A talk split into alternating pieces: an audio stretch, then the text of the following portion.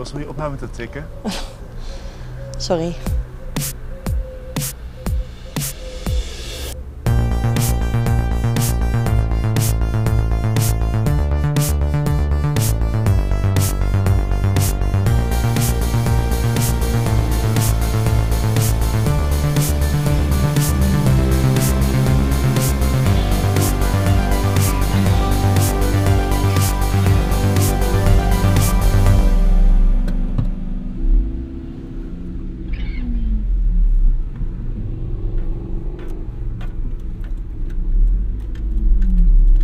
Vorige week stond er een man in mijn woonkamer.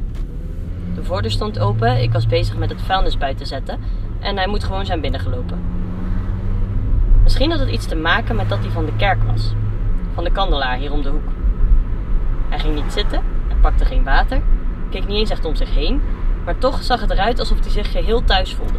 In het geheel niet onder de indruk van dat ik verward met een lekkende vuilniszak voor zijn neus stond en vroeg wat hij in mijn huis deed. De Kandelaar ziet er meer uit als een consultatiebureau of een lokaaltje van de lokale muziekvereniging, maar het is een kerk. Er staat immers een beltoren naast. Ik ben er heel vaak langs gelopen, maar ik heb de binnenkant nog nooit gezien. Wel merk ik vaak op dat de klokken voor de dienst luiden in de ochtend om kwart voor negen. Elke dag behalve woensdag. En dan vind ik echt een rare dag. Oh, we gaan wel kerk doen op maandag. Ik bedoel, dan komt er toch ook niemand. En dan niet op woensdag. Waarom dan niet op woensdag? Ja, maar ik weet niet. Dan ga je er toch vanuit dat het allemaal een bedoeling heeft. Maar daar gaan die mensen toch ook vanuit? Ik bedoel, je kunt toch niet even pauze nemen van God op woensdag? Zo, oh ja, nee, dan ben ik oppasopa. Dan kan ik niet. Nou ja, misschien is dat het wel. Omdat Ja. woensdagmiddag de scholen... Wie weet. Ja, Nee, maar het is toch sowieso verzonnen. Dus wat... Ja, ja dat weet ik wel. die mensen die denken gewoon... Ja, dit is hoe het is. Op woensdag. Kan ik niet. Beetje thuis. Ja, op woensdag een beetje, op woensdag een beetje thuis. Ja. Zouden ze ja, dat dan ook doen? huiswerk of zo. Misschien is het ook een soort van... Misschien lezen sommige mensen het wel als bewijs van... Dat hun, hun God hen vertrouwt. Zo van, oh je hoeft een dagje niet Ja, naar de kerk. de woensdag. We geloven wel dat. Omdat je God ook een beetje teruggelooft in jou. nou, de gereformeerde God, ik bedoel, de jouwe. Jullie kunnen tenminste af en toe nog een feestje hebben of zo. Of biechten of iets moois in je kerk hangen. Ik bedoel, bij ons was het echt al ellende van het begin af aan. Ik denk niet echt dat mijn God eh, mij op maar enige manier vertrouwt of zoiets. Ben je nou jaloers op de katholieke kerk? Ja, wel een beetje. Ik bedoel dat hele, oh je bent toch al best wel kut. Dus maar ga maar heel veel bidden en hoop dat het dan iets minder kut wordt. Dat is nooit, dat vind ik wel, dat laat wel een stempel achter op een mens. En er is wijn. Bij jullie? Ja. Ja, bij ons ook. Eén stokje. Ah, oké. Dat is het niet. Maar waarom heb je je dan nog niet uitgeschreven precies? Ja. Ik bedoel, het was echt wel veel gedoe hoor. Maar, Ja. eh, ik bedoel... Ik denk dat je makkelijker onder een belastingboete uitkomt dan dat je je kunt uitschrijven bij de kerk. En bij de katholieke kerk. Ik denk ook dat ze jullie wat meer proberen vasthouden na al die schandalen van de laatste tijd. Ja, misschien. Maar ja, ik vond het wel fijn of zo. Ja, ik wat ik er, waarom ik het. Ik heb nog niet zo'n antwoord, maar wat ik wel denk is dat het zeurt wel een beetje van moet ik dat niet doen. Maar iets houdt me toch wel best wel tegen. Ik weet zelf ook niet zo heel goed. Wat? Is het je moeder? Ja, misschien. Ik, ik, het gesprek van hey, mam, ik heb me uitgeschreven bij de kerk, dat is niet één waar ik heel veel zin in heb. Ik heb het gewoon niet verteld. Ja, dat kan natuurlijk ook. Want- Vergeet altijd dat dat een optie is. Ik ben gereformeerd opgegroeid. We deden weliswaar niet mee aan de hele televisie achter een gordijntje als de ouderling komt hypocrisie, maar de kerk was wel echt overal in het dorp. Tijdens de jaarlijkse markt, met begrafenissen, trouwerijen, met Pasen. We gingen naar catechese, waar ik heb geleerd de Bijbelboeken op te noemen. Genesis, Exodus, Leviticus, Numeri, Deuteronomium, Jozua, Richteren, Rut. 1 Koningen, 2 Koningen, 1 Kronieken, 2 Kronieken. En ja, tot daar ongeveer. Ik ging naar een christelijke school, waar ik met Pasen heel hard leerde zingen... Hij is opgestaan, terwijl ik met mijn armpjes de lucht in zwaaide. Mijn moeder schreef toneelstukjes voor ons, die we onder de kerstboom voor mijn opa en oma konden opvoeren. Soms kreeg een familielid onverwacht een rol, zoals mijn oma een keer. Ik zal nooit vergeten hoe mijn moeder gedragen met een ongemakkelijke vertellerstem zei: En de engel zei. En mijn oma opschrikte en vervolgde met: Oeh, even mijn brilletje opzetten. Als ik bij mijn ouders slaap en de trap afkom, hoor ik vaak vanuit de keuken: Ze is opgestaan, waarna ik slaperig mompel: Even mijn brilletje opzetten.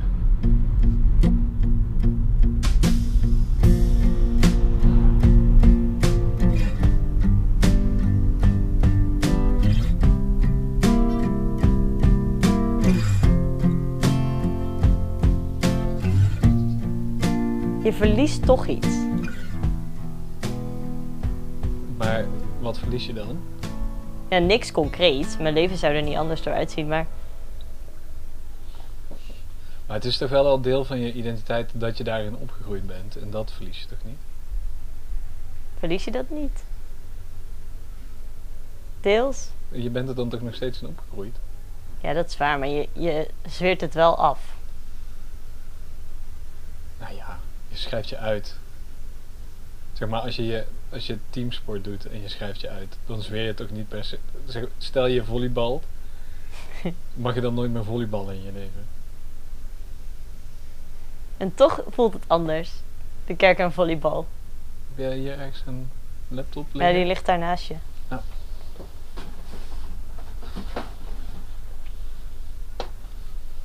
Gereformeerd, hè? Eh, ja. Oké. Uitschrijven. Gereformeerde kerk. Vrijgemaakt? Dat is de tweede Nee, nee. optie. De kandelaar is het. Het geloof is voor iedereen, is een slogan. Ah. Ehm, contact. Ze hebben ook een e-mailadres. Misschien kun je het ook gewoon proberen met een e-mail. Ja. Moet ik het voor je doen? Nee. Nee, ik kijk. Nee, ik doe het nog wel. Hoe spreek je kerkraad aan? Nee, nee, nee, nee, nee. L, S. Je moet nu niet gaan we mailen. Latijn toch? Of is dat heel katholiek? Nee, nee, nee, dat is ook altijd. Nee, je moet nu nog niet gaan mailen. Ik moet wel, toch dat is een mail waar je over na moet denken. Is ook de... ehm, je, kunt, je kunt het kerkelijk bureau mailen of de webmaster. Maar de We webmaster. kunnen even oefenen op de webmaster. Kerken communiceren met elkaar. Op een manier die nogal pre-AVG-wet aanvoelt. Toen ik naar Arnhem verhuisde, duurde het niet heel lang voordat de eerste brieven begonnen binnen te druppelen. De eerste gaat altijd over geld en dan specifiek het jouwe. Ik kreeg met Pasen ook de kerk nieuwsbrief, waarop stond Het geheim van het lege graf. De man in mijn woonkamer zei dat hij van de kandelaar was en dat hij kwam vragen of ik mijn donatie voor Kerk in Actie nog ging betalen. Ik zo, eh, donatie? Hij zei, misschien moeten we een stap terug doen en het even hebben over je status als christen. Het was niet echt een dag om na te denken over mijn status als christen. Ik stond daar met een vieze vuilniszak, ik had nauwelijks geslapen. Mijn kater was groter dan ik deed voorkomen en het zou me verbazen als hij de condoomverpakking op mijn bank niet had zien liggen. Hij liet zijn nummer achter en ik beloofde hem te bellen. Maar jij vindt dat zo'n vent gewoon ongevraagd in je keuken staat, vind je niet aanleiding genoeg. Ja. Ja, dat heb je ook. Ik weet niet, als hij alles andere behalve priester was geweest. Nee, niet priester. Ik knikte nu, maar dat is helemaal niet waar. Eh, dat heet koster of ouderling. Ik weet niet precies wat hij was. Nou ja, als het alles behalve ehm, iemand van de kerk was geweest. Als het gewoon een random iemand was geweest die daar had gezeten van, weet ik veel. De, de lokale klusjesman of zo. Die Ja. zijn dienst aanbood. Kan echt niet, hè? Dan had je toch de politie gebeld? Ja. Het is toch niet gewoon de bedoeling dat mensen binnenkomen? Nee, dat is waar. Ah, nee, je hebt ook wel gelijk. Ik weet niet. Het voelt als een einde. Wacht. Een groot einde.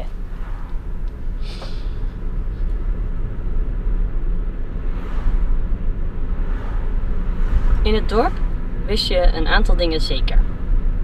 Bijvoorbeeld dat je voor elke activiteit twee straten naar links moest vanaf mijn huis. En daar waren dan alle mensen die overal altijd bij aanwezig waren. Ofwel in de kerk zelf, ofwel in het zaaltje ernaast. Het rook hetzelfde, naar koude vochtige stenen. Het galmde en het klopte. Als ik vroeger vragen had over het geloof, zei mijn moeder altijd dat haar God er een van liefde is. Daarmee was alles altijd gewoon afgedaan. Wat gebeurde er nou allemaal in Joegoslavië? Mijn God is een God van liefde. Was mijn vriend Sander, die net uit de kast was gekomen, wel welkom in onze kerk? Mijn God is een God van liefde. Vond God het oké dat het zusje van mijn klasgenoot Sarah overleed, ondanks dat ze nog maar zes jaar oud was? Mijn God is een God van liefde. Ja, en toen zei ik dus, want toen moest ik weer terug uh, naar Arnhem. Ik denk dat gewoon toen ik thuis was voor het weekend of zo. En toen vroeg ze van, ja, wat is dan, vind je het dan allemaal nog wel zinvol of zo?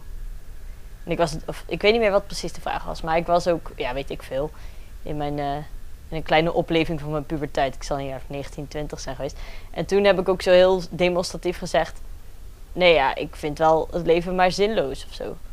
En dat is ook wel zo. Ik weet niet of ik dat nu nog zo voor de voeten zou gooien. Want ik bedoel, zij heeft natuurlijk wel heel erg haar best gedaan om het leven zo zinvol te maken voor ons. Mede door die kerk. Ja. En door de gemeente en door daar dan binnen die gemeente dingen doen voor anderen en muziek en shit. En dan kom ik daar, nou, het is mislukt. Het is zinloos. Laat me met rust. Dat was niet heel maar leuk. Is het per se mislukt als je zegt dat het zinloos is in, nee, in die zin van het woord? Snap je wat ik bedoel? Nee. Toen ik haar vertelde dat een basisschooldocent in het dorp had gezegd dat ik naar de hel ging, zat mijn moeder aardappels te schillen. Bij ieder gesprek over geloof dat ik me kan herinneren, zat mijn moeder aardappels te schillen, terwijl mijn vader eigenlijk bij ons het huishouden deed. Met zijn verkrampte reuma-handen. Het was na de jaarlijkse dorpsmarkt. Ik mocht net bier, ik was 16.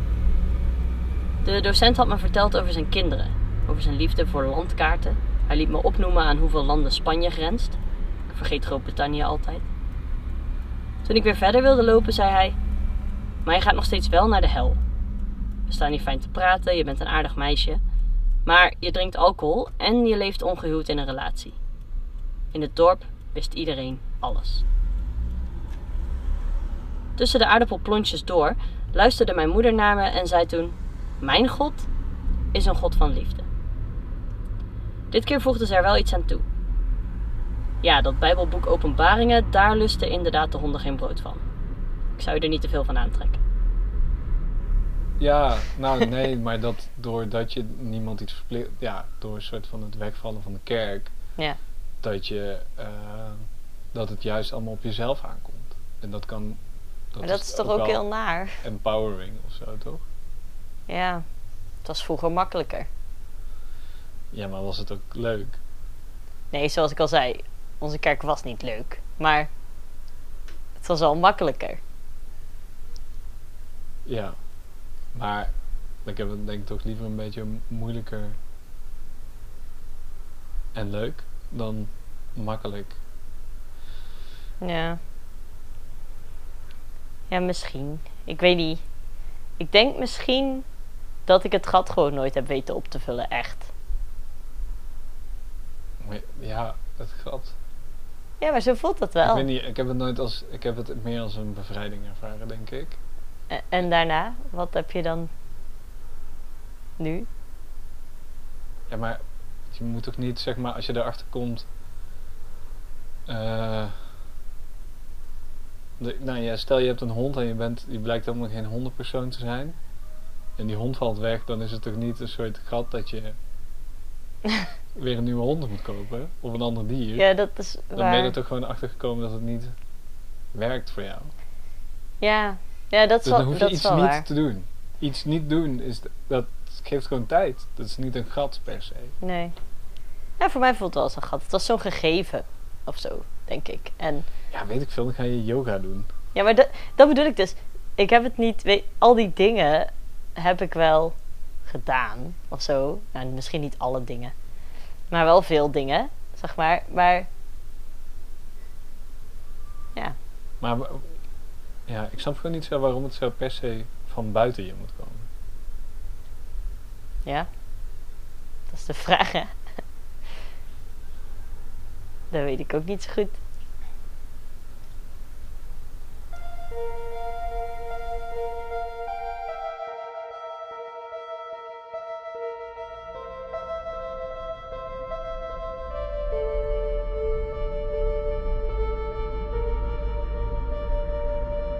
Toen ik de man die in mijn woonkamer stond uiteindelijk opbelde, was hij verkouden. Dus kreeg zijn vrouw aan de lijn. Zij zei dat het belangrijk is dat, ondanks de ontkerkelijking, Nederland een christelijk land blijft. Ik vroeg haar waarom. Dat klinkt nu heel rebels of stoer misschien, maar het was een oprechte vraag. Ik wil heel graag dat zij dat voor mij bepaalt. Ook zou ik graag weten wat ik moet doen met betrekking tot het uitschrijven van de kerk. Of lid blijven, of ik een huis moet kopen of gewoon moet blijven huren, of dat kan. En of ik niet meer tijd zou moeten besteden aan mijn huishouden. Maar dat vroeg ik allemaal niet. Ik bleef even stil. Weet je wat haar antwoord was? Nou, ja. Ik spreek heus wel eens moslims. Het is jammer dat een klein groepje het verpest voor de rest. Ik baalde toen ik ophing, want ik realiseerde me dat ik me nu echt moet uitschrijven.